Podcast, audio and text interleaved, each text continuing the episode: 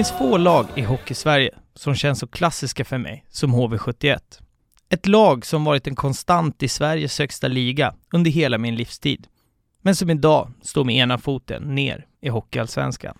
Jag har fått otroligt många som frågat och bett om ett HV71-avsnitt och såklart så svarar jag på det. Idag kommer vi få höra om en supporterresa som startade som ett rebelluppror där dagens gäst inte vill göra som alla andra och av en slump hitta sitt livs kärlek vid sju års ålder efter att ha fått en tröja av sin mamma. Vi pratar om hur kärleken för klubben blev så stor så han packade ihop sina saker och flyttade 30 mil från sin hemstad för att ha en större närhet till sin klubb. Vi kommer få höra om hur han blev så arg på domaren så han ramlade ner från ett räcke och landade på sin nuvarande sambo. Vi får höra om en maskeradresa till Leksand, bortamatch i England, vi pratar om sprickan mellan de olika supportergrupperingarna och mycket, mycket mer. Välkommen till Äkta Fans Podcast, Daniel. Tackar, tackar. Kul att vara med. Hur är läget med dig? Jo, men det är väl bra. Solen skiner och HV ligger sist, så det finns väl inget att gnälla på.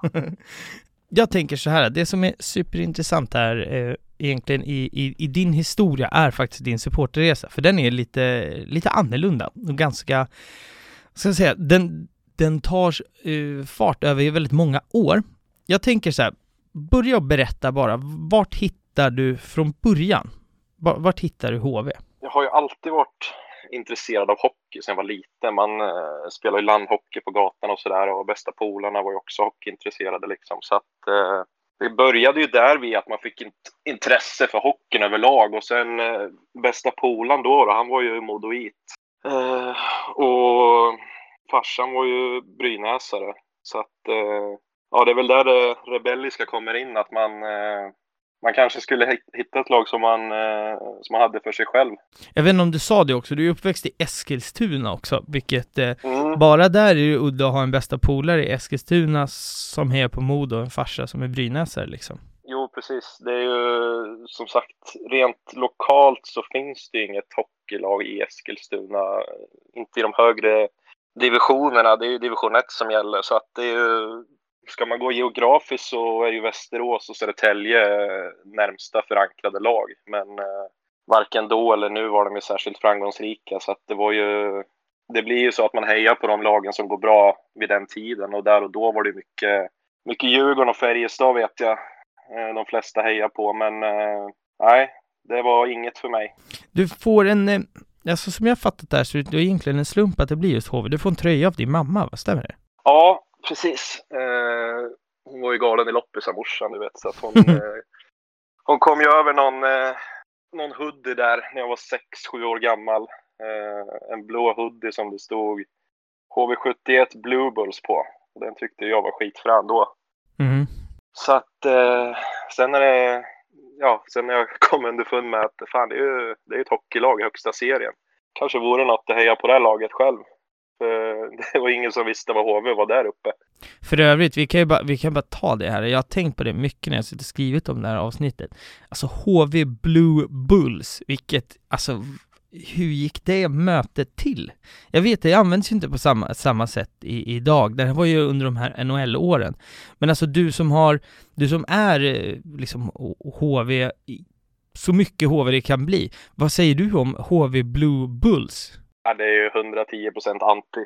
Ja. Det är det ju. Eh, där och då var det ju, det var ju en annan tid och dessutom var man ju, och sen var man ju yngre själv också, så när man var i den åldern så var det ju lite häftigt då, men eh, i, alltså nu, nu för tiden vill man ju inte se sånt. Man spyr när man ser Frölunda-loggan och, och Linköping liksom, det, nej. Jo, men det ska just vara klassiskt. Också. Ja, men det, ja, jo, men just det här med att det är en blå Alltså en Blue Bull, det är så konstigt. Alltså jag fattar att man hade kunnat komma på så många olika namn och vissa av de här namnen var ju så här, ja men okej, okay, de är inte lika utstickade, men Blue Bulls, det, ja. Bara en, ett sidospår här som jag kom på, eh, kom på nu, eh, annorlunda namn. Men fortsätt, förlåt jag avbröt dig. Du är mamma galen i loppsar, du har fått tröjan, vad, vad händer därifrån? Vad händer? Jag eh, följer ju hockey hockeyn aktivt via text-tv på den mm. tiden. Jajamän. Eh, följer resultat och tabeller och en del radiosporten vart det också. Eh, försökte väl sätta mig in i liksom, ja, men, lära sig truppen och, och mer om klubben generellt. Och sen kommer jag ihåg, jag, var ju, jag är född 92, så på den tiden så hade man ju modem eh, till Amen. internet. Och då var det ju så att efter klockan sex på kvällen så var det ju, jag kommer inte ihåg när det var gratis eller billigare att surfa, men då vet jag att då hade jag tillåtelse av morsan att, eh, att få tio minuter att gå in på hemsidan och kolla nyheter och resultat och sånt där. Mm. Det, Så man här fick ju är, plugga via den vägen. Då. det här är unga lyssnarna har ingen aning vad vi pratar om, men jag, den här struggeln med modem och de här korta minuterna, det kostade väl per minut man var uppkopplad eller något sånt där. Jag kommer ihåg de här också. Och det, det går ju till 2001. Då har du tjatat på din pappa va? Ja, men precis. Ja. Han är ju, som sagt, han håller ju på Brynäs. Så Mm. han var väl inte allt för nöjd med mitt val då. Eh, så att han var väl inte så jävla sugen på att sitta och åka till varken Jönköping eller någon annan stad för den delen och kolla på några lag han inte följde. Nej. Eh, Men till slut då så lyckades jag få med han, eh, eller få med han, jag lyckades övertala han att vi skulle åka då på en match. Mm. Eh, och då var det Södertälje, HV 2001. Mm. SSK vann med 2-1 kommer jag ihåg. Det sitter fast förankrat i minnet. Ja. Eh, Men som sagt, där och då, det var väl då man liksom fick upp ögonen för supporterkultur också generellt. Att det, det var inte bara matchen som var det intressanta utan man, man satt ju mest och, och tittade på klackarna också. Och på den tiden innan, innan de byggde om Scania Rinke så var ju klackarna på varsin, eh, eller de var, de var placerade på varsin tårtbit på samma kortsida. Så att det vart ju en jävla kö där fram och tillbaka. Och kan du, om vi bara landar lite där, du, du har liksom skapat det här intresset under e-, ett par år, du har suttit på hemsidan och, och, och liksom läst om det. Du ska försöka måla en bild första gången, du är där med din pappa, du har löst biljett, du får komma in, du ska äntligen få se HV, du ser liksom klack klacken där folk står med liksom matchtröjor på dina färger, alltså hur kändes det i, i, i magen att liksom se att det var, fanns fler som du? För jag gissar på att det inte var jättemånga i skolan som gick runt med liksom HV Blue Bulls eh, tröjor på sig i Eskilstuna på den här tiden liksom. Alltså känslan första gången du kliver in, kan du berätta eh, hur det kändes?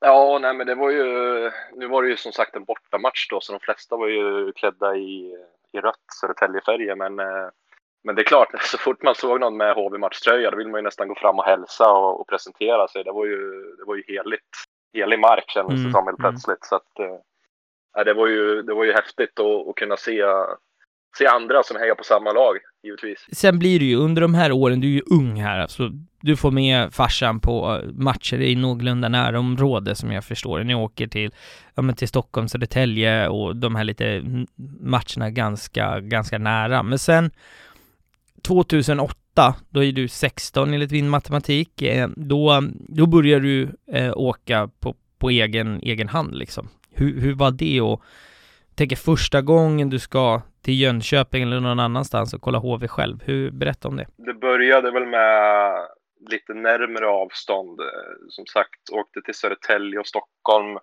varje gång det var HV var på besök då. Det, det kunde ju liksom vara att man gick i skolan då till, till tre och sen begav jag mig till tågstation och satte mig på tåget själv, åkte till Södertälje, hoppade av, tog bussen ut till Scania-rinken, gå på matchen själv och så samma procedur tillbaka och så var man hemma vid 11-12 på, Mm.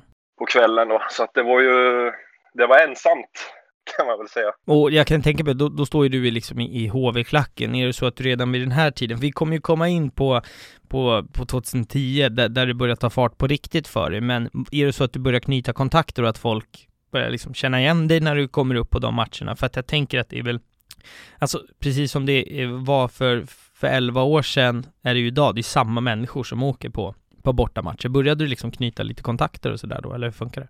Ja, inte på så vis att jag tog kontakt med någon, men eh, det är klart man kände ju igen många ansikten eh, från resa till resa, det gjorde man ju. Men, eh, men det var inte så att man knöt kontakter, nej, inte, vid den åldern. Nej. Utan det var, det var på eget, eget bevåg man åkte och, och stod själv där och sjöng och sen åkte man hem. Det blir väl så, du, du kände igen dem som var där, men de, jag la inte märke till det, det kanske blir så. Förmodligen. Men, men 2010, då är du 18, eh, Eh, då kommer du i kontakt med eh, Blue Crew. som jag fattar det här, en tifo slash ultrasgruppering. Berätta först, vad, vad är det för typ av gruppering du kommer i kontakt med här? Eh, ja, nej men det är väl eh, någon kombination. Det är en fristående gruppering eh, som vill väl vara åt ultrashållet men är väl kanske inte uttalade som en ultrasgruppering utan ett, ett större kompisgäng skulle jag kalla det som, eh, som valde att gå under ett namn då och följa HV aktivt hemma och borta. Mm. Mycket flaggor och, och, och, folk på plats skulle jag väl beskriva dem som. Mm. Och du kommer i kontakt med de här och som jag fattar du blir lite polare med de här liksom, eller? Möter upp dem på matcher och sånt där? Ja, men precis. Det var ju inte aktuellt att uh, bli medlem så. Det fanns ju vissa kriterier på att uh, vara bofast i Jönköping och ja, men vara med och, och fixa banderoller och flaggor och sånt där. Så att, att bli medlem var inte aktuellt. Men jag lyckades ändå liksom bli polare med de flesta där och det är ju kompisar man har för livet. Mm. Eh, och är kompisar med än idag så att... Eh... Ja men intressant och du, du fortsätter ju här och ju äldre du blir ju längre blir liksom, ju mer och ju längre åker du egentligen. Nu börjar du ju åka mm, en, två, tre matcher i månaden alltså längre till Jönköping eller till bortamatcher som jag fattat det? Ja, alltså jag gick ju fortfarande i gymnasiet då så att eh, man hade ju inte allt för mycket cash. Det var ju studiebidraget liksom, mm. tusen spänn. Och det gick ju åt eh, så fort studiebidraget kom. Då var det ju in på SJ och boka tågbiljett och köpa ståplatsbiljett och sen räckte det väl till någon pizza eller två liksom. Mm.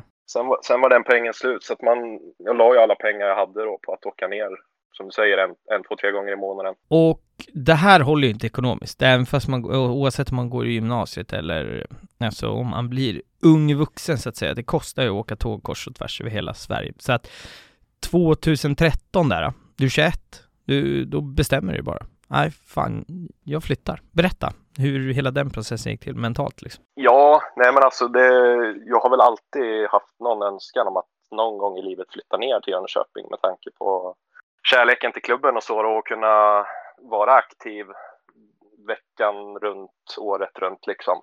Mm.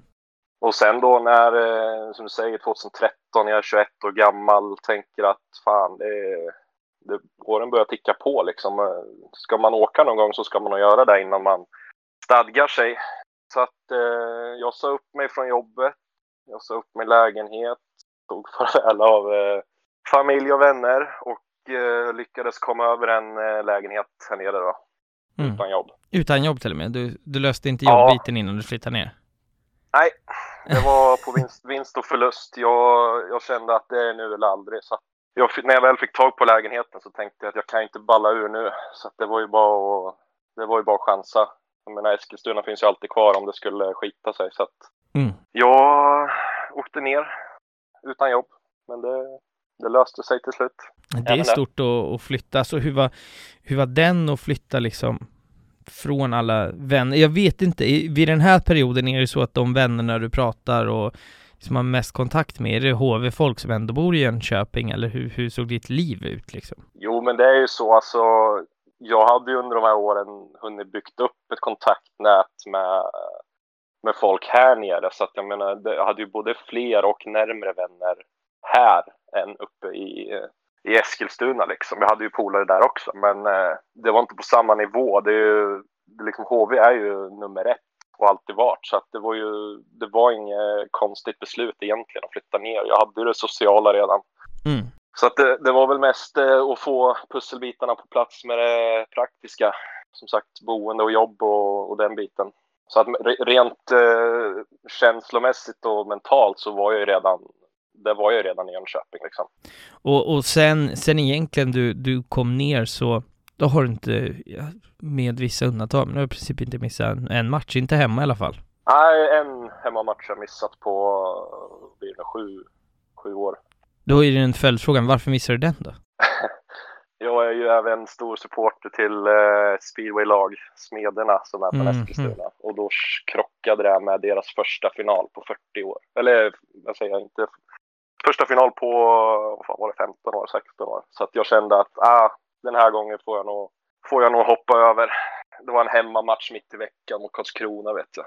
Ja, okay. det var inget, det var ingen big deal egentligen så. Intressanta med, med Smedarna också, det kanske vi får eh, läge att, eh, att återkomma till i framtiden. Som jag fattar ett jävla liv på speedway-läktare också. Jag har otroligt dålig koll på speedway, men mycket pyro vad jag har sett. Kul. Ja, i alla fall på våran läktare. Ja, uh, ja får vi förhoppningsvis tillfälle att återkomma till där då. Men om man säger, du är nere nu, nu bor du i, uh, i Jönköping, du har dina polare, nu har du HV nära liksom och jag tänker där någonstans så där har vi grunden till din supporterresa som utvecklas hela vägen, men Eh, som jag sa i början där, så mycket fokus i, den här, eh, i det här avsnittet läggs på din supporterresa för att det, alltså det är många som hejar på klubbar som inte riktigt är geografiskt där de bor, men det är få som bara, jag säger hej då till familj, vänner, boende, jobb, allting och, och flyttar. Det, det är mer ovanligt så att säga.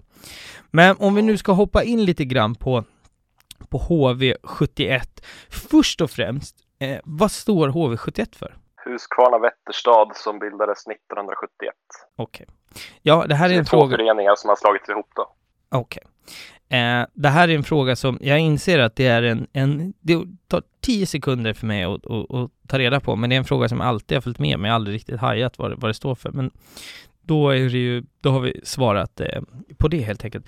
Jag tänker så här, beskriv bara supporterkulturen runt HV71 överlag. Ja, alltså ska du ta hela arenamässigt så, så har man ju haft otroligt hög eh, publik eh, till, tillökning. Liksom, eh, det har alltid varit full lada i princip under eh, flera decennier. Om, om du även tar med sittplats då. Men, men ståplats har väl enligt mitt tycke då kanske gått ner sig sista åren. Man hade väl sin prime time, ja men säg 2008 till 2010 där någonstans under mm. storhetstiden. Vi gick till final tre år i rad. Då var det ett jävla tryck på, på läktaren. Mm. Eh, sen, ja, det har väl, jag tycker att det har gått ner sig lite då tyvärr, men eh, jag tycker ändå att det håller hög klass gentemot många andra klubbar. Det, det blir bra tryck i hallen oavsett om det är eh, alltså lördag eller tisdag om det är Oskarshamn eller eh, Färjestad. Det spelar liksom ingen roll. Det, mm. det, oftast är det bra tryck, men det är klart att helgmatcherna mot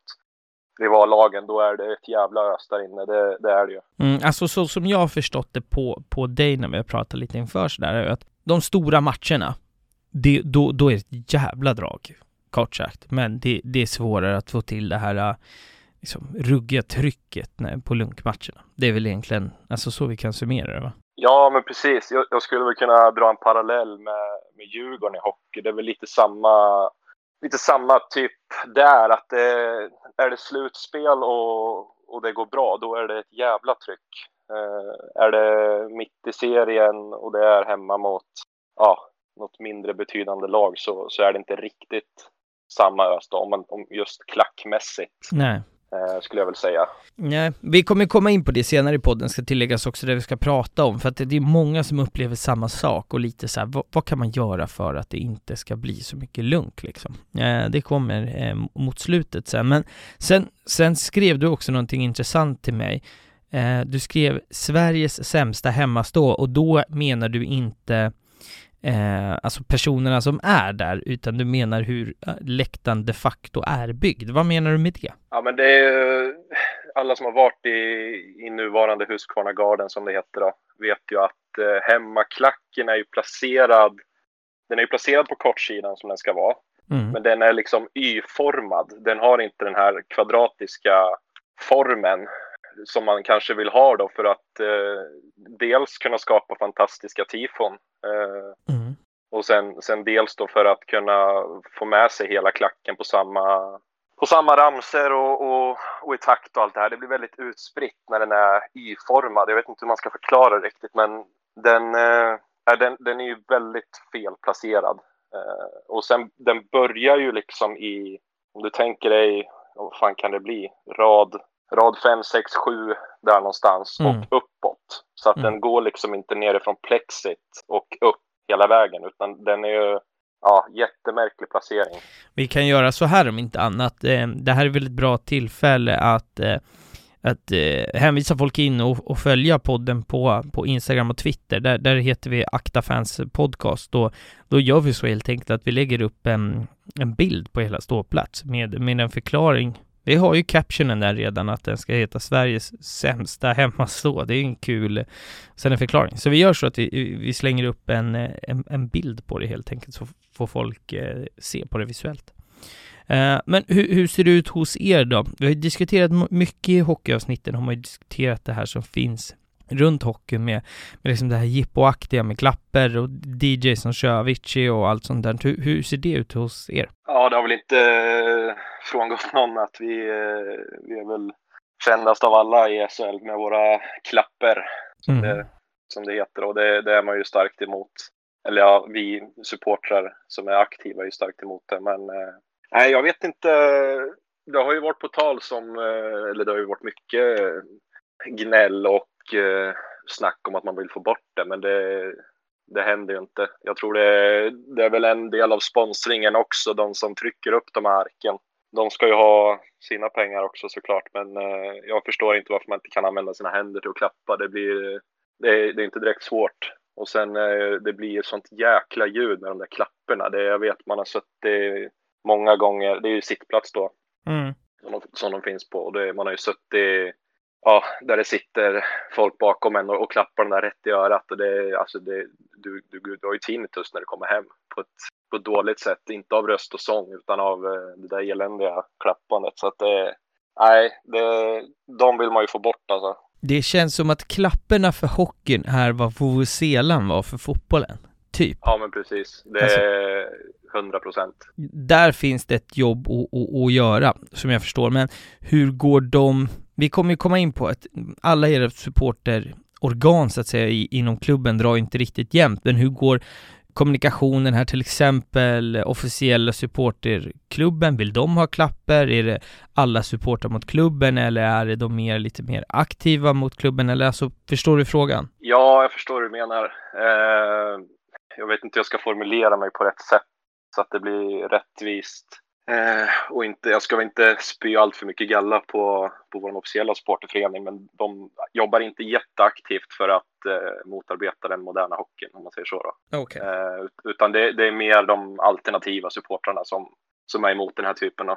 Så kan jag väl säga. Mm, diplomatiskt och klokt svar, tycker jag. Då har vi inte kastat bajs på, på någon. Än i alla fall. Får vi se om vi gör det lite senare. Eh, jag, jag, jag har bara en rolig, rolig fråga som jag tänker att vi, vi måste ta upp. Alltså, Jönköping som stad, nu har ju du liksom uppväxt i en helt annan stad och sen flyttat till Jönköping. Jönköping kallas ju Sveriges Jerusalem, man kallar det bibelbältet, det är massa kyrkor, det är sekttätast i Sverige och så vidare och så vidare. Du som inte liksom, du är inte uppväxt med det. Märker man det här på någon vänster eller? Är det sant? Absolut liksom? inte. Är det så? Eh, ja, det, jag, jag, jag, köper att det är eh, sjukt många kyrkor i Jönköping. Det är det. Men att, att säga att det är eh, så kristet som folk vill få det till, det, det stämmer inte. Det är möjligt att den äldre generationen kanske lever kvar i det där. Men eh, alla i min ålder och yngre, det, nej, jag skulle säga att den är obefintlig av det jag har märkt. Mm. Så att, eh, men visst, vi, vi, vi kör ju ramsor där vi där vi sjunger att Jesus håller på HV och sådär så att vi får väl, eh, vi får väl skylla oss själva. ja men det är väl kul när man eh, när man, när man kan eh, ha lite självdistans och, och kan driva med sig själva. Göteborgare så sjunger alla heter Glenn i Göteborg, sånt är ju bara roligt. Det har ju med, det är ju supporterkultur i sitt esse skulle jag säga, när man kan ha lite självdistans sådär. Vi, vi har ju pratat om liksom, dels eh, din resa från att du är pojk till att du blir vuxen egentligen och, och pratat lite om, om supporterkulturen i, i stort runt, runt HV sådär. Och HV är ju som sagt en superklassisk klubb och jag sa det i introt att i hela min livstid så har de alltid varit en konstant i, i SHL eller gamla elitserien då. Men det här är ju just nu på väg att raseras. I den här podden så vi, vi fokuserar ju egentligen alltid på liksom supporterskapet och pratar inte så mycket om liksom de facto sport sporten på, på det sättet. Men det går ju jävligt tungt nu. Ni är liksom, ena foten i princip är ju i, i, i hockeyallsvenskan. Berätta först, alltså vart, vart ni är i den processen och sen eh, hur ostabil du är känslomässigt just nu? Ja, alltså självbilden hos både supportrar och klubben är ju att man är en toppklubb i Sverige och ska vara topp fyra varje, varje säsong man mm. påbörjar liksom. Det, det är ju målet och vi ser oss ju själva som en maktfaktor i, i Sverige även fast resultaten då inte har varit det bästa sista åren heller. Det är ju, vi har ju liksom inte behövt tänka på den nedre halvan på så vis, men, men det är ju inte så mycket framgångar heller. Men eh, i år är det ju något väldigt unikt som, eh, som tyvärr är på väg att ske. Mm. Det ju, ligger ju sist idag, skrivande stund tänkte jag säga, och det är ju var det sju matcher kvar för våran del. Mm. Ja, det, det, är svårt att ta in. Jag vet vi kompisar emellan har vi ju skojat. Jag vet förra året började vi också vi började katastrofalt dåligt och låg i botten och man skojade lite så ah, vad kul att få åka till Tingsryd nästa år liksom. Fan vad goda bortaresor.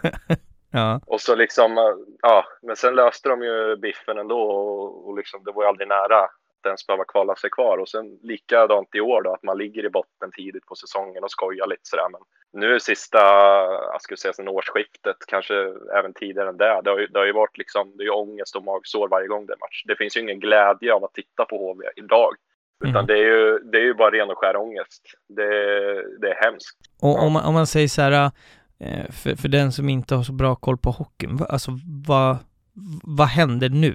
För att för mig är det bara så 18 kval och, och alltså allt sånt där. Va, vad händer faktiskt seriemässigt? Ja, alltså nytt för i år då är ju att man eh, lag 13-14, alltså de två sämst placerade lagen, gör ju upp i en bäst av sju-serie där förloraren åker direkt ur SHL och det är första gången man har det så, så länge jag har levt i alla fall. Jag, kan, jag vet inte om det har varit så förr i tiden, men, men så länge jag kan minnas så har det annars alltid varit att du, du kvalar dig kvar mot eh, lagen underifrån eventuellt då. Mm. Så att det, det, är ju unikt i år att, eh, att det är ett lag som åker direkt ur och det är ju, kunde man ju ge sig fan på att HV ligger där i år då. ja. Men är det inte det här, eh, alltså, jag tänker så här, min vinkel på, på det här, jag ser ju det här, nu, nu råkar det vara HV att vi sitter och pratar, men överlag är inte det här en jättepositiv grej för hockeyn i Sverige i stort, att man gör det enklare att gå upp och åka ner. Hockeyn i, i liksom senaste 20 åren har gjort det bara så otroligt svårt och i mångt och mycket liksom gjort så att man nästan stänger serien. Eh, vilket jag kan tycka så att det bästa laget i, i näst högsta ska gå upp, det sämsta i, i högsta ska åka ner. Alltså det, fotbollen, om man tar det som exempel. Är det inte det här positivt i långa loppet för hockeyn? Om du nu räknar bort att HV är de som ligger sist i det här fallet. Absolut. Jag, jag har tyckt i flera år att eh, det, sist, det, det laget som kommer sist i SHL ska åka direkt ur och det laget som vinner allsvenskan ska gå direkt upp. Att man, att man efterliknar fotbollen mer. Då får man mm. mer ruljans på, på lagen och eh, ja, det, det, blir ju roligt för supportrarna också. Det, det, är alltid kniven mot strupen. Jag menar som det har varit tidigare nu, tidigare år. Då kan du, du kan ju ställa ut B-laget i, från omgång 10 fram till 52 liksom och, och ändå och komma sist då med, med 10 poäng och ändå så kan du klara dig kvar när det väl är dags för kvalserie och sånt mm. där. Så att, mm jag tycker absolut att det är helt rätt väg att gå. Sen är det ju pisstråkigt att det är vi som ligger där och i år, men, men vi har inte åkt ur än, så man ska inte, man ska inte ropa här igen. Nej, ni har alltså kvar nu en bäst av sjua mot? Ja, alltså det, det, är inte, det är inte helt officiellt att vi hamnar i kvalet, men det, ah, okay. det, all, allting pekar åt det. Vi, vi ligger ju sist och det, ja, det, de behöver väl vinna, vad är det, fem av de sex sista matcherna som är kvar eller något sånt. Så ja, okay. det, det, kommer med största sannolikhet att bli kval och då är det ju förmodligen Oskarshamn eller Linköping som, eh, som kommer hamna där med oss. Och det är också en sån grej att, att möta Linköping som är en av de största rivalerna mm. i en bästa av sju-serie och åka ut. Det är ju mardrömsscenario alltså. Mm. Ja, vi kommer att prata lite om dem eh, sen, sen senare också. Det är här Linköping, jag har jag har mycket frågor om dem, för att det känns som att ingen tycker om dem. Vi ska försöka bena ner varför det är så. Nej men intressant, och då får vi, jag hoppas å dina vägnar att, att HV löser det här nu, helt, helt enkelt. Eh, och att det får bli SHL eh, även eh, nästa säsong helt enkelt, när man får börja gå på lite matcher. Jag tänker att vi ska hoppa in på Away Days. Det här är det det här är oftast det i, i de här avsnitten som jag ser fram emot mest. Men jag har den första matchen när vi ska gå igenom, vi, vi han snackade lite in, alltså om den matchen innan vi tryckte på räckare. Jag tror att vi har mycket sköna historier här. Och eh, Ja, vi, vi, ska också till England och kolla på hockey away days idag. Det är, eh, engelsk hockey har jag väldigt dålig koll på, så att, eh, mm. Eh, men första matchen som jag har under away days är Leksand borta playoff 2014. Här klär ni ut er till djur och det händer en jävla massa grejer. Berätta om den här matchen. Ja, det var ju första året man införde det här eh, nya play-in eller play-off eller åttondelsfinal eller vad man nu vill kalla det. Mm.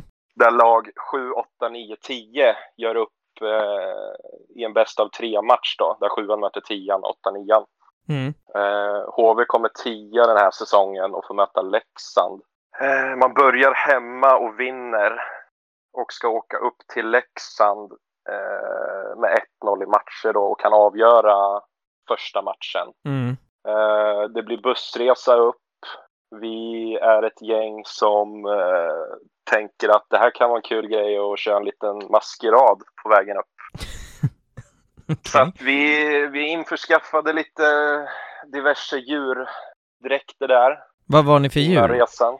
Ja, ska vi se, vad fan var vi? Det var en kossa, en kanin, en kyckling och en apa. Tror jag det var. Snälla säg att det finns bild på det här. Det gör det. Bra. Eh, Akta Fans Podcast på Instagram och Twitter. Ja, fortsätt. Ja, nej, så att vi, eh, ja, vad tar det upp? Sex timmar är det väl, enkel resa. Och så lite pissepauser och käk och grejer. Så vi är ju lagom eh, plakat när vi kommer upp där till mm. Leksand. Eh, åker direkt till arenan, går in och tänker att det här löser ju HV.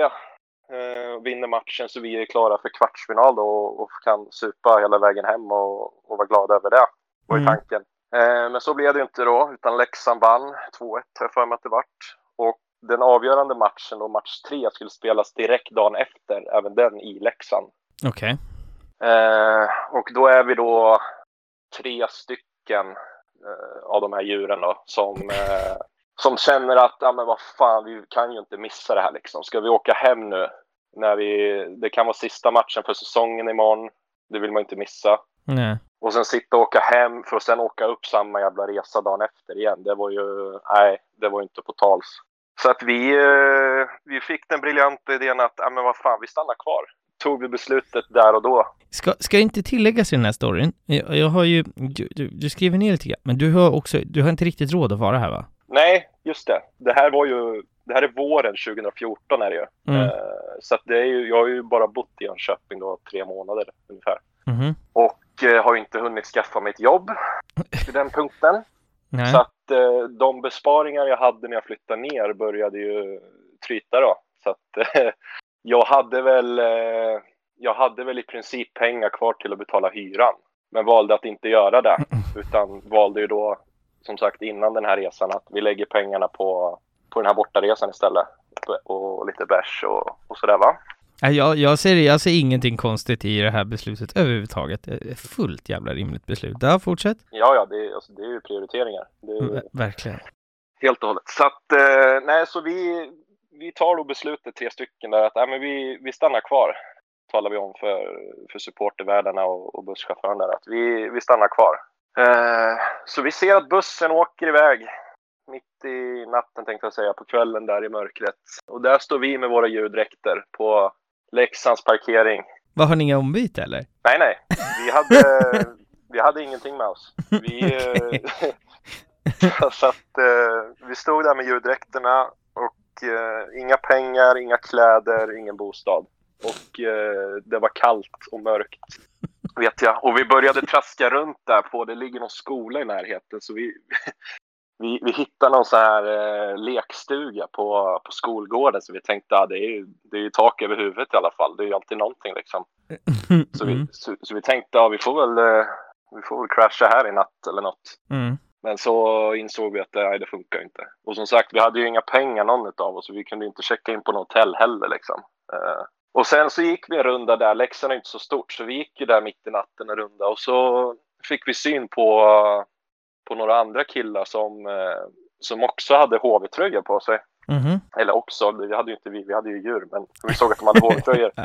Eh, så vi, vi stannade och tjötade lite med dem och då visade det sig att en av de här killarna bodde i Leksand. Mhm. Eh, och var också då en stor HV-supporter. Och, och han sa, nej men det är, fan, det är inga problem, ni, ni ska sova hos mig, det, det här löser sig. Eh, och han bodde i en etta i Leksand och vi tänkte, ja men fan vad schysst. Så vi gick och köpte lite korv med bröd och, och räksallad och grejer där och han dukade upp värsta buffén där mitt i natten. Eh, problemet var ju att vi var, det var inte bara vi där utan det var ju totalt så var vi väl nio stycken tror jag i den där lilla ettan på 20 kvadrat. ja, mysigt ändå. Ja. Ja, så att vi låg ju liksom skavfötters på golvet där med, med skorna som kudde och, och en jacka då som, eh, som täcke. Men det var ju tak över huvudet i alla fall och så Mm. lite korv på det så att man eh, överlevde. Mm. Eh, och så dagen efter då så, så var det ju dags för match igen. Och då hade vi ju, jag kommer ihåg, jag hade 100 spänn på kontot. Så vi gick till bolaget och köpte en varsin flaska rosévin som vi hade råd med. Och så satte vi oss i den berömda gropen som det heter i Leksand där de firar midsommar. Mm, så satt vi mm. där i, i vårsolen med, med våra djurdräkter så vi luktar ju, vi luktar ju svett och sprit så det, ja, det var nog överjävligt alltså. Det var så jävla äckligt. Men där satt vi och, och sippade på våran, eh, på våran flaska och, och laddade upp för match liksom. Vinner ni den här matchen då? Eh, ja, det gör vi. Eh, sen hade vi turen att eh, vi, vi fick veta att det skulle komma en minibuss upp till även till den här matchen då. Ja. Eh, och där hade vi lyckats se till då att vi skulle att de skulle undanvara tre platser Jaha, okej. eh, till oss så vi skulle kunna åka med hem efter matchen. Mm. Eh, det vart bara två platser dock så att eh, en av oss han låg ju i, i bakluckan hela, hela vägen hem till Leksand i sex timmar. Eller hela vägen hem till Jönköping. Jajamän, jajamän.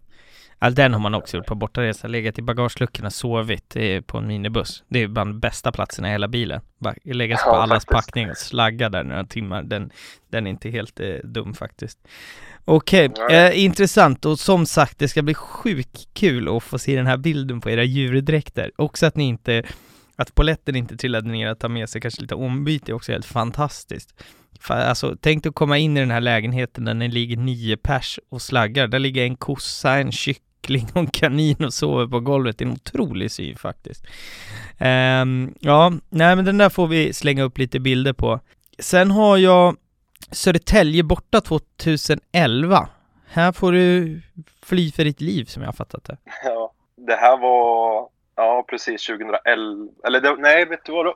2010 är det, det är dagen Ja, okej. innan nyårsafton är det. Ja, okej. Eh, så spelar HV borta på Södertälje och eh, på den tiden så bodde jag då kvar i Eskilstuna Mm. och åkte själv då med, fick låna morsans bil, eh, åkte dit och så skulle jag möta upp två bilar från Jönköping då med, med kompisar i Södertälje. Mm. Eh, Så, så vi ställde oss på, det finns ju någon stor parkeringsyta där utanför eh, med massa köpcenter eller affärer eller vad fan det är. Mm. Så det, det ja, vad kan det vara, 300-400 meter att gå kanske. Så där ställde vi oss och jag var ju lite tidigare än dem så jag hade redan ställt mig på, på en parkering kanske 100 meter bort från dem. Mm. Och så går vi på matchen eh, och under sista perioden, och det, jag minns det så väl för att vi, det var inte mycket bortafans den matchen. Det var vi 10 pers och så var det kanske ja, 5, 6, 7 till liksom. Det var väldigt glest på bortastå utan det var ju liksom vi i princip bara. Mm. Mm. Men så i sista perioden då så, så la vi märke till att fan det står ju två, står två killar som inte har stått här innan under matchen som var Ja, de var ju liksom casual-klädda så man börjar ju ana lite att Mm. det, det där är inte våra killar liksom. Och så, och så frågade de då om vi skulle ja, styra efter matchen och vi, vi tackade för, tackade för förfrågan men tackade nej. Mm. Och sen var det inget mer med det. Eh, och sen efter matchen då så, så ville polisen följa med till bilarna och få, de, de gick med då till, till fots, några stycken poliser. Bara för att se att det inte hände något då. Mm. Och det var nog jävla tur där för att så fort vi kom runt, runt hörnet där av, eh, det är väl någon Coop eller vad fan det är. Mm. Då står det ju 50 gubbar där. Oh. Eh, som så bara står och väntar. De hade väl fått nys på att vi hade parkerat där antar jag, jag vet inte. Mm. Och tänker jaha, okej, hur ska vi lösa det här nu då? Så de hoppar ju in i sina bilar, Jönköpingskillarna då. Mm. Eh, och poliserna står kvar där vid dem och, och tänker att ah, men vi, vi, vi låter er köra iväg. Liksom. Och så, så sa jag till polisen att ja, jag står ju en bit bort här men, eh, men eh, jag, ah, jag, jag tänker jag börjar traska lite så kanske de inte märker att jag är själv. Liksom. Mm. Så jag, jag traskar bort till min bil, eller till morsans bil, hoppar in, drar på bälte, sätter igång bilen och så kommer det upp varsin bil på, på varsin sida av, eh, av fönstren. Mm. Och jag kikar in och de är fullproppade med, med Södertälje-folk. Jag tänker fan också. Så jag, jag tänker, ja, men jag, jag testar lite, testar lite om, det, om det är dem. Så att jag började åka i cirklar på parkeringen bara för att se om de följde efter och det gjorde de Mm. Ja. Eh, Så åkte jag bort till, tillbaka till, eh, till Jönköpingsbilarna och poliserna där och sa du, de här två följer efter mig. Det känns sådär när man ska åka själv liksom. Ja. Så då sa de där att nej men vi, det är lugnt. Vi åk du så, så håller vi kvar de här. Jag tänkte, jaha, ja, men, men ni har inga bilar liksom. Ja. Ja, ja. Nej, men säger ni det så visst. Så jag körde iväg därifrån och sen hör man bara ett jävla vrål. Eh, så börnar de ju efter båda två där och sen vart det ju biljakt i Södertälje. Fy fan. Så att det var ju... ja, då var man inte kaxig.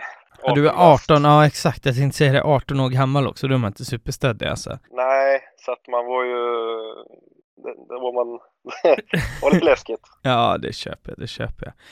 Jag Eh, lyckades i alla fall skaka av med dem till slut. Så att, eh, ja, du löste kom hem, eh, du kom hem eh, helskinnad så att säga. Ja. Lite biljakt i Södertälje är också alltid, alltid trevligt att höra om. Sen den här är jag också superintresserad av. Sheffield i England, borta i CHL. Alltså, jag, enda anledningen till att jag vet att man spelar hockey i, i England är för att på, på den tiden min farsa var ordförande i Black Army så då hade, var det något hockeylag från England som, som var över och hade liksom Black Army som förebilder så att säga.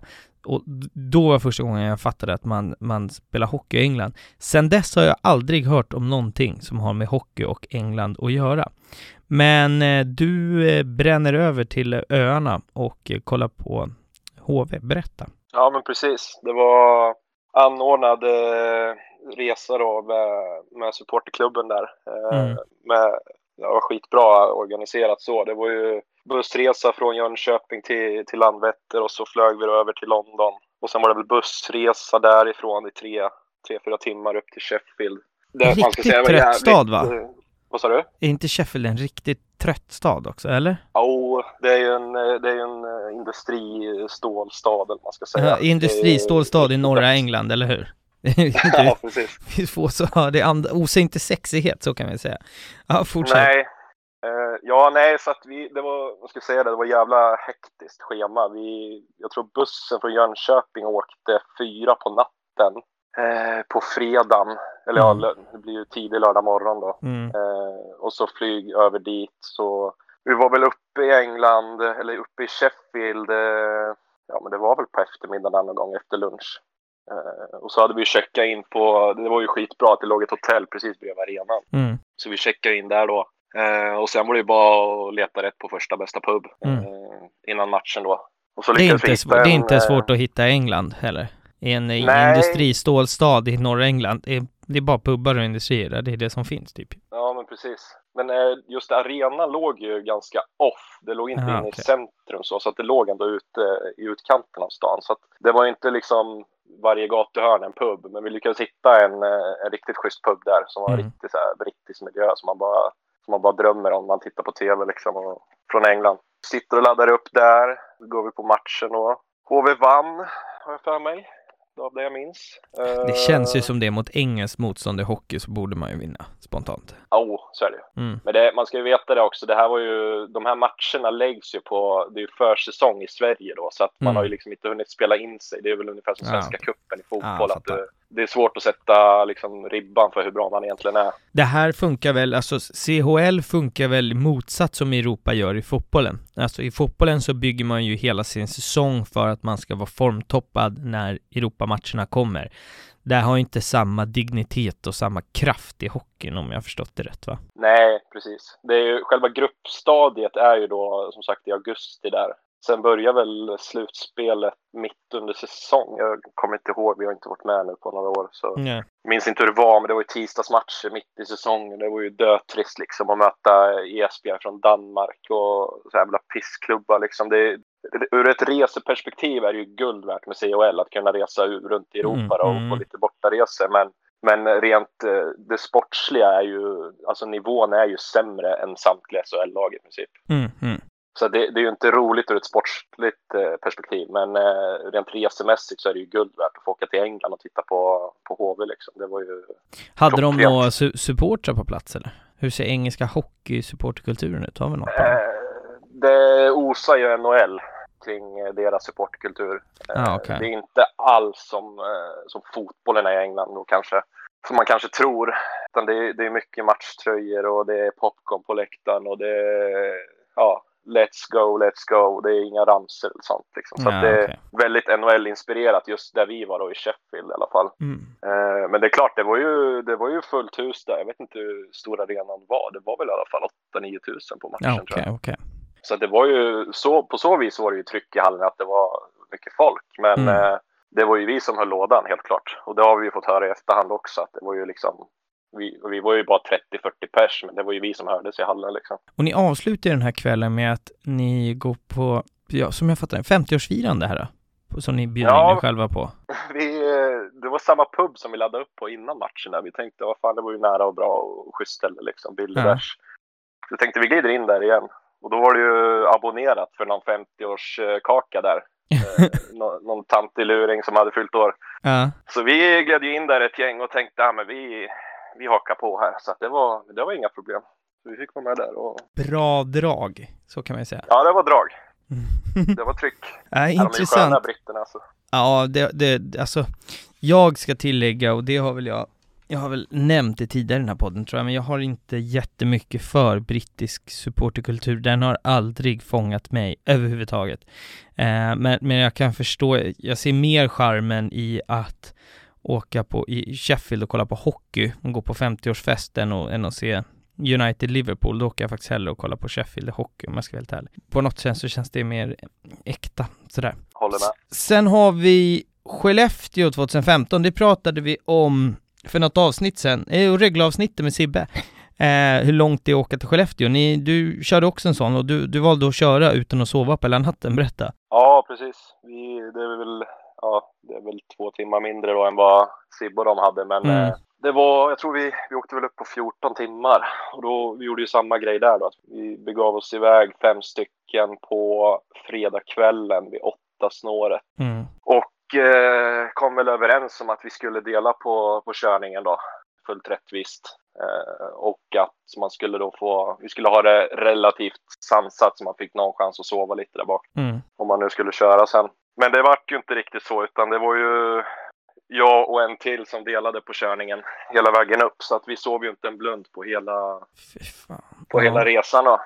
Så vi var ju lagom möra när vi kom upp till Skellefteå där på, på lördag förmiddagen. Sen är det match och sen är det bara sätta sig i bilen. Körde du hem också eller? Eh, ja, det är jag själv då, men eh, det var väl samma jag och en till som delade på körningen. Hur, hur seg, jag menar man ska försöka liksom göra en läktarprestation när man inte har slaggat på hela natten för man har suttit och liksom kört i kolsvarta motorvägar genom hela landet. Nej, det var ju, det var ju bara på flaskan och försöka få ut någonting av helgen, för matchen hade man ju ingen glädje av. När man, när man var i det här stadiet liksom. Det var ju bara att, ja, läktarmässigt kunde man inte tillföra någonting. Det var ju, det var väl mer en rolig grej bara att åka upp liksom. Har vi någonting mer som du känner så att det här måste vi få med i Away Days? Någon annan resa eller sådär? Eh, alltså rent, jo, alltså rent resemässigt så är det väl, man har ju, allting sammansvetsas ju till samma liksom. Man vet ju varken eh, årtal eller destinationer knappt. Allting eh, blir ju, man,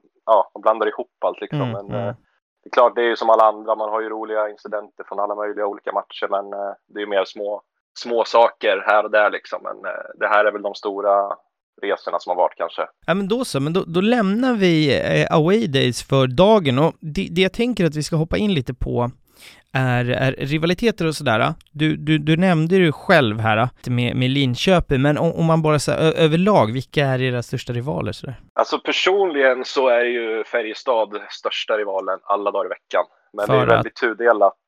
Nej men det, det sitter nog i sen eh, man var liten liksom. Färjestad var ju väldigt framgångsrika när jag var liten. Det var ju laget man skulle slå. Eh, och så hade de sina fula jävla lila tröjor. Så att man vart ju provocerad bara där liksom. Och sen har det ju, ja men det har ju liksom ökat år för år. Man har ju haft en del eh, alltså slutspelserier mot varandra också. Mm. Finalmatcher och sånt där. Så att det har ju byggts på liksom. Så mm. det är väl därav. Men sen är ju som sagt Linköping är ju också en, en väldigt stor rival. Jag har en fråga här nu. Jag har inte varit så stor del av Twittersfären. Jag började kanske för ett eller två år sedan och började twittra mycket mer. Nu när jag har börjat med den här podcasten så, så kommer jag i kontakt med, med väldigt mycket liksom supportrar från olika lag. Och min samlade känsla, och vad jag får för, för, för bild här, att Fan, ingen tycker om Linköping. Och jag som inte går på hockey vet inte varför riktigt. Jag tänker att nu ska tilläggas, vi kommer ju göra ett avsnitt framåt med, med Linköping också, där de får svara på frågan. De är ju inte här och kan försvara sig, men vad är din åsikt? Var, varför tycker ingen om dem? Ja, min eh, fråga är väl varför tycker någon om dem? Nej, men, eh, nej, men det är väl, eh, det är klart, de har väl, eh, de är väl beryktade att eh, vara stökiga generellt. Ställa till med med scener hemma och borta och, och vice versa. Så att det är väl, jag skulle tro att det har nog mer med supportrarna att göra. Det har nog inte så mycket med själva klubben och laget i sig, utan det, det är nog supportrarnas eh, förtjänst att de inte är så omtyckta. De har väl varit eh, jäkligt aktiva på alternativscenen som varit inne och, och nämnt, pratat om tidigare på den också va? Jo, men det, det har man ju hört och sett. Mm. Så, det, mm. det, så är det För jag men... menar rent, eh, rent sportsligt så det är ju, de är ju inte direkt eh, framgångsrika genom åren rent de har ju liksom inte vunnit något eller de har två finaler och så här, så att det, det är ju inte laget att slå rent sportsligt utan det är ju det är en grundar sig inom i supportrarna och deras äh, agerande. Att de är med hetsiga jävlar helt enkelt. Ja, det är ju som sagt i, i Linköping så är det ju, de har ju placerat borta stå bredvid hemma stå också där. Just det, de har bara plex emellan va? Ja, jag vet, de byggde ju om för några år sedan. Innan dess var det ju verkligen eh, sida vid sida. Men eh, nu är det väl någon, eh, ja det är väl något plexiglas emellan där och något, något skyddsnät. Men man kommer ju väldigt nära in på varandra så att det blir ju, ja det, det är en del hett sinsemellan. Jag vet inte, jag tror att, jag, jag, känner nog igen det från de här stökiga bilderna Djurgården var där och folk står och bara tvärhetsar. De är en decimeter ifrån varandra men de kommer inte åt varandra för att det är plexi. Då blir man ju också jävligt stöddig när man vet att folk inte kan nå en. Det blir väl så. Den här podcasten handlar ju om eh, supporterkultur och supporterskap men idag ska vi också berätta en, en kärlekshistoria. Eh, men ni som lyssnar kan vara lugna, vi, har, vi, det är liksom, vi är fortfarande på, på ämnet och det har med, med HV att, att göra. Du går på match, blir eh, skitpackad kort sagt och eh, står på någon räck eller någonting och blir ah, förbannad på domaren för att han, han dömer på ett sätt som inte du tycker att han ska döma och ramlar ner och ramlar ju in i en tjej. Berätta den här historien. Ja, det, det, är ju samma match som den här maskeraden uppe i Leksand. Ja.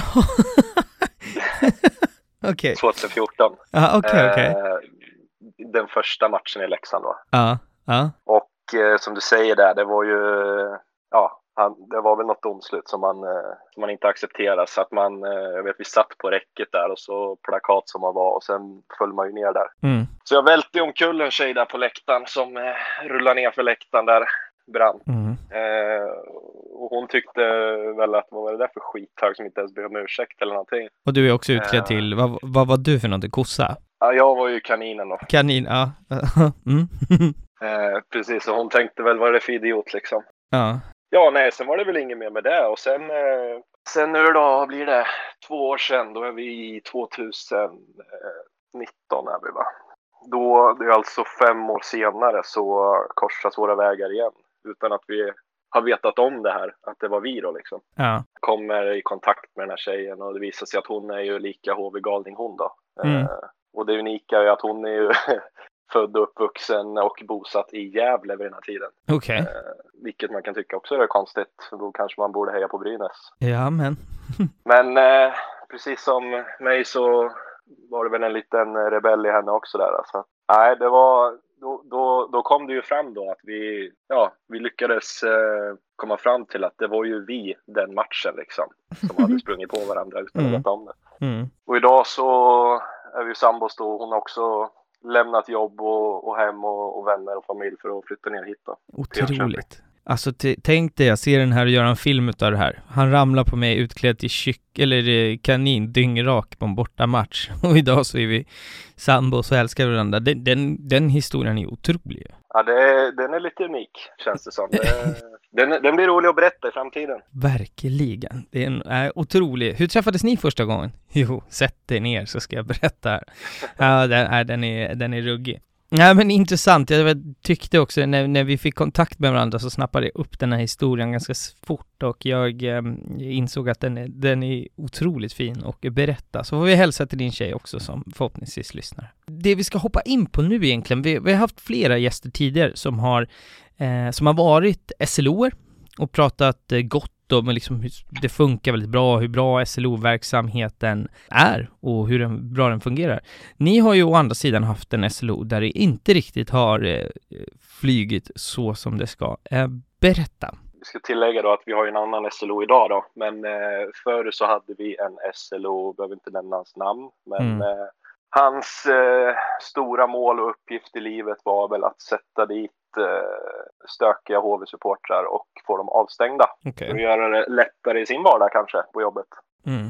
Eh, så han försökte väl ta varje halmstrå han fick tag på, minsta lilla grej och, och försöka få bort stökigt folk från läktaren.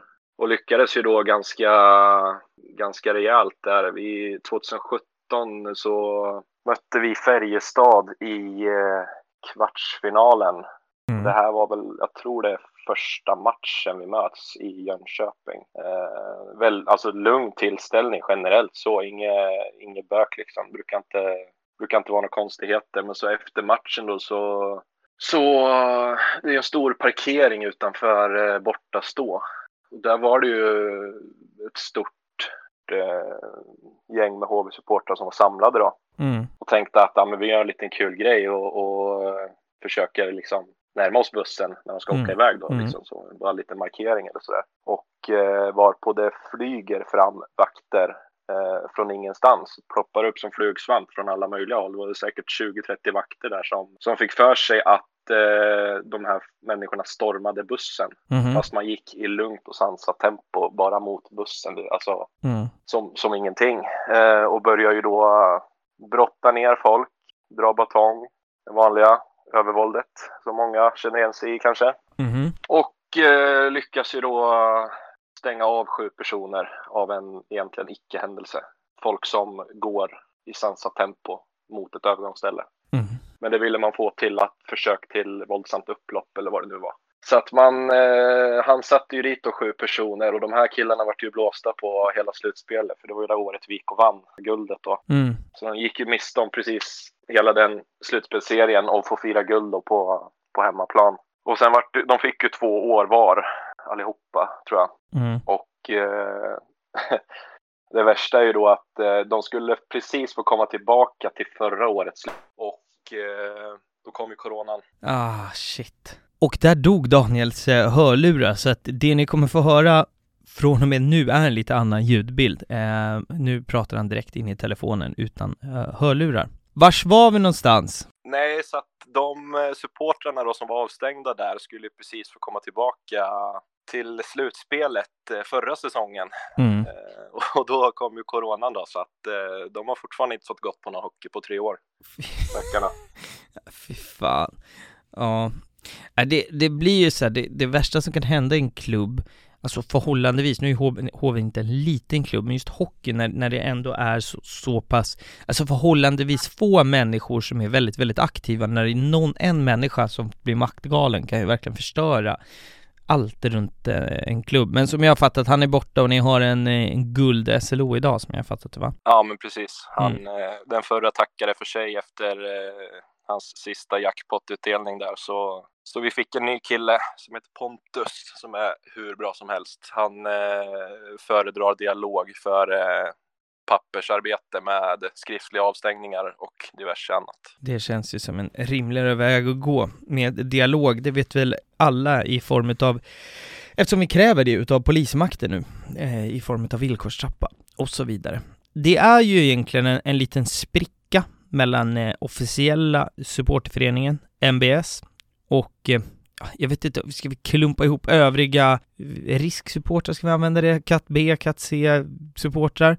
Eh, och, och, så har det varit, som jag fattat det, under en ganska eh, lång tid och det har varit liksom, man vill gärna inte åka på bortamatcher tillsammans och, och så vidare. Och här kommer vi in på rätt eller snett. Jag har formulerat den här rätt eller snett på ganska lite fakta, så det kan vara så att jag är jätte, helt snett ute här. Men eh, vi testar så får vi, tar vi diskussionen eh, eh, vartefter helt enkelt. Dagens rätt eller snett låter så här.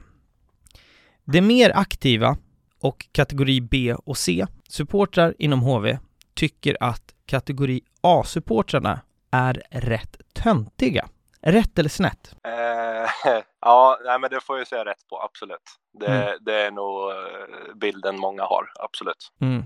Det är så som, alltså, kanske konstigt formulerad fråga, jag förstår det, men det är lite så här som jag har eh, förstått era, liksom, den sprickan är att man tycker att de här kategori A är lite väl, så det är lite väl familjevänligt och lite töntigt och, och, och ni vill skapa någonting annat. Och där har vi krocken. Är jag rätt på det då? Ja, men precis. Det är ja. helt och hållet. Hur, hur, länge har det varit så här? Eh, ja, alltså jag har ju varit aktiv då sedan jag flyttade ner hit och så länge har det ju pågått. Men jag vet även innan jag flyttade ner har man ju hört då via som sagt den förra grupperingen som existerade, Blue Crew, mm. så var det ju exakt samma problematik även då. Eh, och då är vi ju liksom före 2010 också, så att eh, det har nog pågått under en längre tid. Och hur kan det här te sig? Det, det, vi ska tillägga här är så här. Det här avsnittet kommer jag döpa till HV71, vilket gör att alltså en kategori A-supporter får ju inte sitta i det här avsnittet och, och och berätta sin syn på saken så att säga. Så att det finns ju ingen här som, som kan försvara sig på det viset och det ska vi väl, vet, vet inte vad man gör, tar, tar vi väl man tar väl inte avstånd, men du, du, ni fattar som lyssnar vad jag menar i alla fall.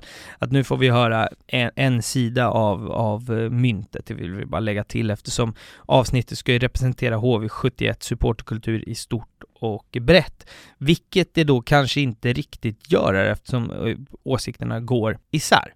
Men vi får chansen att lyssna på din sida av myntet och åtminstone här idag. Berätta, alltså, hur ter det här sig? Är det så att ni åker på samma liksom, bortabuss och står och tjafsar med varandra, eller hur, hur funkar det? Alltså, det, egentligen är det lite från säsong till säsong. Det, vi brukar skoja lite om det, att säsongen hinner inte ens börja innan man är förbannad och osams på läktaren, liksom, eh, internt. Mm. Men det, det skiljer sig lite. Vissa säsonger åker man ju aktivt med den officiella supportföreningen och då kan det vara jättebra ena helgen och sen nästa helg så får man höra att man är en idiot kanske då. Mm. Eh, och då, då blir man ju lite förbannad och kanske anordnar egna resor, egna resor. Mm. Eh, och då, då får man ju höra då istället att man, att man inte stöttar lokala support eller officiella supportföreningen mm. eh, åker med deras resor. Då, så att hur man än bär sig åt så, så är man ett problem i, i mångt och mycket. Sen, sen säger jag inte att allt de gör är fel, absolut inte. Det, de gör saker som är väldigt mycket rätt också, absolut. Men eh, det, det, är ju där någonstans sprickan kommer, att det, man, man, ser väldigt olika saker på, på olika saker. Men är det för att ni är liksom fulla och härjar, är det det de blir sura över? Eller vad, alltså, vad kommer, vad gnälls det på så att säga? Nej men det är väl som sagt, det, åker vi till Karlstad en lördag så då kanske man inte är i sitt eh, bästa jag alla gånger. Då kanske man är lite full och, och härjar lite och det hör till med lite hetsramser och, och, och diverse. Mm. Eh, sånt där då och det, det, uppskattas ju kanske inte av, eh, av majoriteten av de andra besökarna som, som har åkt med i bussen. Det är, det är lite mer familjär stämning och det behöver inte vara fel i sig heller. Men det, det blir ju lätt en krock när man... Det, det, är så mycket lättare om man hade haft två bussar, om man nu är så pass många resa. Då kan man dela upp en partybuss och en familjebuss mm. och så är det inget mer med det. Det låter ju Men... lite nästan som att det är en sån här generationsklyfta här. Alltså, och det är väl exakt den sitsen ni sitter i som gör att folk skapar ultrasgrupper eller börjar åka själv för man känner att man inte kan åka med officiella för att det är bara sura gubbar i bussen. Alltså, förstår du vad jag menar? Ja men precis, det är ju som sagt, skickar man iväg en buss också då, det, alltså det är väldigt blandat. Det, det kan vara barnfamiljer till en viss procent. Det kan vara ultras mentalitetsfolk till en viss procent och så kan det vara de här som du säger pensionärerna eller mm. vanliga hedliga julgranar också. Liksom. Mm. Så att det, det, det, blir ju väldigt mycket olika åsikter om hur man ska vara och hur man inte ska vara som supporter och då blir det då blir det fel. Nej men den, det, det är så som jag har förstått det också. Eh, och det, det, då fattar jag att det blir en krock. Men sen ser jag heller inte riktigt, alltså jag kan inte hitta direkt nu hur, hur man ska lösa problemet. För att jag är mer, alltså åker jag på bortamatch då vill jag härja, man vill, du vet, jag vill leva ut, alltså så, så, så, som du tänker, men sen fattar jag att om det är en buss, vad gör man då? Då är väl det rimliga att åka ja men då åker vi själva om ni ska gnälla på vad vi tycker och tänker och att vi svär eller skriker. Då åker vi själva, då är väl problemet löst. Alltså, då kan vi inte heller gnälla på att ni åker själva. Det, det låter ju idiotiskt. Ja, men precis. Och det är väl lite där eh, problematiken också då har legat, att när vi väl åker själva då så, så, så är inte det heller bra, utan då, då, då ser vi till att de inte får iväg en buss till exempel. För att det ska man också ha med sig att våran eh, alltså kärnan på bortamatcher är ju, är ju vårt kompisgäng och mm. anmäler inte vi oss till en bortaresa så blir det allt som oftast ingen resa överhuvudtaget, utan det, det är många gånger hänger det på oss att det blir resa. Inte jämt, men många gånger. Men då är det väl också ni som ska få sätta stämningen i bussen. Allt annat är idioti kan jag tycka då. Så kan man tycka, ja. Men så tycker inte alla. Eh, uppenbarligen Nej. sådär. Nej, intressant, intressant eh, diskussion och jag hoppas att det i framtiden löser sig, löser sig för er, så att säga. Eh, vi ska ta en lite kort avstickare också. Vi börjar närma oss lite, lite slutet här. Vi ska ta en kort avstickare. Du, du kör tifo-verksamheten under en säsong. Eh, berätta lite kort om hur det var. Krävande, lärorikt, hemskt, underbart. det, de flesta, eller alla som har varit delaktiga i någon form av tifo-verksamhet vet ju vilket enormt jävla jobb det är. Eh, att få ihop allting på matchdagar, eh, hur mycket tid man lägger. Jag vet, man har ju man har ju sjukanmält sig till jobbet vissa, vissa gånger för att hinna färdigt med de sista förberedelserna inför ett tifo bland annat. Mm. Man sover lite, man äter lite. Ja, det, det är sjukt krävande, men det är jävligt kul när det går i lås också. Då, om man får eh, beröm för det, då, då är det värt mödan alltså. Jo, det, det, det är väl så. Är det för att det är så krävande som du bara eh, kör i ett år eller? Ja, precis. Jag, förmodligen sköt jag nog mig själv i foten med att gå in så pass eh, mycket och hårt och seriöst som jag ändå gjorde. Man kanske skulle ha gått in lite lugnare tempo bara för att känna på det kanske. Mm. Mm. Men eh, jag gick ju 110 procent in i det där att eh, gör jag det här så ska jag göra det till, till 110 procent och helhjärtat. Och det, ja, det, det vart lite för mycket. Det, det kanske är lite lättare om man går i plugget fortfarande eller eh, liksom lite yngre. Ja, men det är svårt att få pusslet. Men när man har jobb och kombinera, det, det är tufft alltså. Exakt, exakt. Och det är väl det som vi har konstaterat med de, de eh, killarna vi har pratat tidigare som har gjort jobbat mycket med TIF för att det, det, är svårt och det krävs att man har kanske ett jobb eller en, en, en, en flickvän eller pojkvän som är liksom låter en eh, lägga så mycket tid helt enkelt. Återigen, vi är på slutet. En sak som verkligen gjorde att jag ville sitta här med dig idag, det som verkligen fångade mitt intresse är lite din syn på, på uh, hockeyn överlag och vad man borde göra för förändringar. Och det här tror jag är, min tes på det är att hockeyn i stort i grunden för att ta nästa steg Alltså, eller hockeyn kan gå höger eller vänster där. Vänster är in och bara gå alla företagen och gå jippovägen. Vill man gå åt andra hållet och liksom bygga en, en, en supporterkultur och närma sig kanske fotbollens supporterkultur, då måste man ju dra ner på allt det här med, med jippon och dra ner på matcher och så vidare. Så här.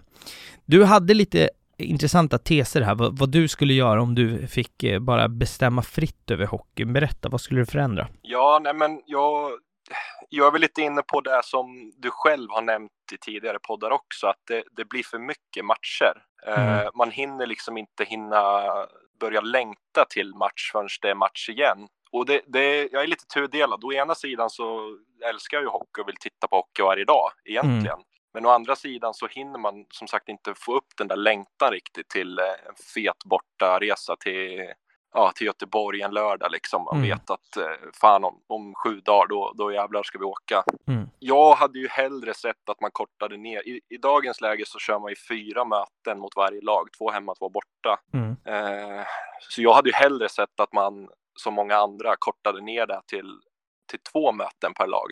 Eh, och sen kunde man klämma in någon form av Svenska cupen i hockey, precis som Mm. i fotbollen. Då. Det man hade kunnat gjort i hockeyn är också att kanske utöka serien då. Det säger att ha en serie på, vad vet jag, 16, 16 lag med, ja men det är 30 matcher i grundserien och sen spela slutspel, till exempel. Mm, Men Svenska kuppen, be, berätta om eh, det tänket. Ja, nej, men det är som sagt för oss ak- aktiva supportrar så det där man lever för det är ju bortaresorna och ju fler arenor att besöka desto roligare tänker jag. Dels för att få se sig om, dels för att som i HVs fall då är man ju väldigt bortskämda med att få spela i högsta serien år in och år ut och man kanske inte får möjlighet att åka ner till, eh, fan vet jag, Tingsryd, Västerås och, och så vidare liksom. Det, då hade man ändå fått ur en supporters perspektiv så hade man ju fått betydligt fler resor och minnen för Mm att ta del av. Ja, det är en stark match, typ så här HV Haninge på Torvalla, det hade varit fint. Det är där jag är uppväxt, det är Haninge. Men ja, Ja.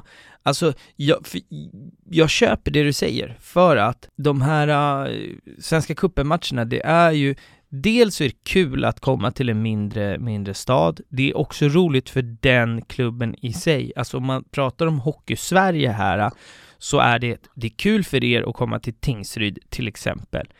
Men det är också väldigt stort för den här, den mindre klubben att få liksom, Stora HV kommer på besök till exempel. Att, att man får till den aspekten i det hela också, att de mindre klubbarna får lite tv-tid och får, får synas och höras. Det gör ju att, ja men, Hockey-Sverige blir ju större så att säga. I fotbollen är det så här, så kolla bara nu Svenska cupen AIK, vi har mött AFC, vi har mött Oskarshamn. Liksom, alltså då, då får de lite airtime, de spelarna får synas på tv, det, får hända någonting i klubben. Jag tror att det är viktigt. Ja, men precis. Det är, det är verkligen win-win.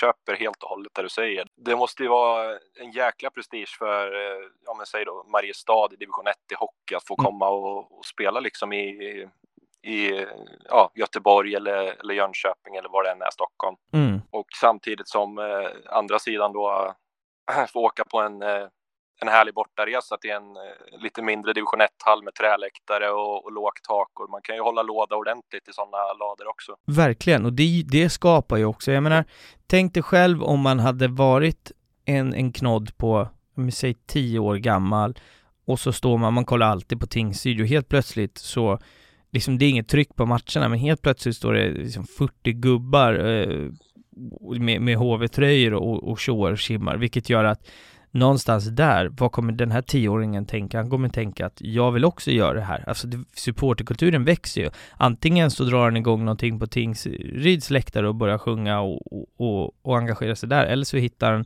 en annan klubb som han liksom brinner för och vill vara del utav det här fantastiska som är supporterskapet. Så att, äh, intressant eh, tanke och jag tror att det hade eh, gynnat hockeyn otroligt mycket supportermässigt att få eh, göra på det här sättet. Mm.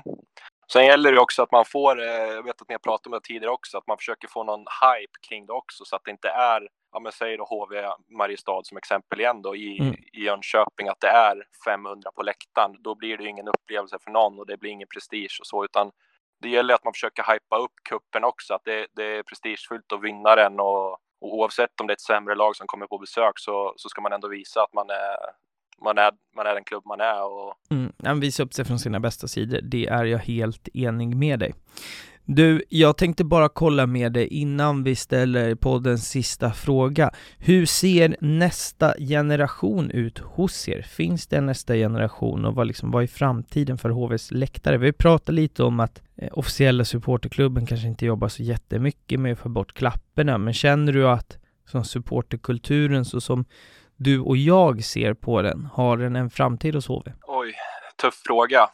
Eh, nu har vi ju haft ett år till spillo här där man inte har kunnat utvärdera och, och kolla på det här. Men, Mm. eh, men av det som var innan då, om vi går två år tillbaka, så uh, återväxten är väl, alltså sett ur det perspektivet att man inte är en kategori A-supporter då kanske så, så ser den väl kanske inte jätteljus ut på just våra läktare som det gör på andra, på andra håll i Sverige. Men, eh, Men det, det, känns som det har kommit i generationer också. Det var de här Blue Crew som satte igång 2007. De, de var ju, oftast är det ju samma ålder på dem när de mm, startade. Mm. Det är liksom 16 till 18 år kanske när man börjar komma in i det. Och sen växer ju de upp också någon gång och, och lämnar det här kanske bakom sig just eh, att vara så pass aktiv som man är. Och då måste man få en, nästa kull som kommer upp och, och är likasinnade. Och det har väl varit lite glapp här och där på HVs läktare de sista åren. kommer några då och då, liksom några fåtal, men det är ju liksom inga grupperingar i, i stort så som, som växer. Det är det ju inte än så länge tyvärr. Nej, det är, vi får helt enkelt se vart, eh, vart era läktare tar vägen och vad eh, framtiden har att ge er. Eh, som vanligt så har vi en sista fråga så att jag undrar, vad är supporterkultur för dig? Supporterkultur för mig är precis som alla andra inne på gemenskap, kärlek, stolthet över sin stad och klubb. Att man är villig att, representera någonting som, som känns så familjärt som det ändå blir på en läktare. Man, man, man ser sina medmänniskor på läktaren som som sin bror eller syster liksom. Det, det, är ju, det är alltid återkommande det här med gemenskapen, att det, man lever för samma sak. Man vill se en levande läktare med sång och, och tifon och, och allt därtill. Så att eh, supporterkultur för mig är liv och kärlek på läktaren. Strålande. Innan vi tackar för, för veckan, har du någonting sista du vill tillägga? Ja, det är väl att vi får se om vi får möta Linköping här nu då i kvalet och då, då jävlar blir det åka av. ja, eh, blir väldigt eh, hetsiga matcher framför, dessvärre framför tvn. Med eh, det sagt hörni så tackar vi för veckan och vi hörs igen nästa måndag. Glöm inte att följa podden på Akta Fans Podcast på Instagram och Twitter så ska ni få se lite bilder på kycklingar, kossor och grejer. Det kommer bli hur bra som helst. Ha det fint, ciao!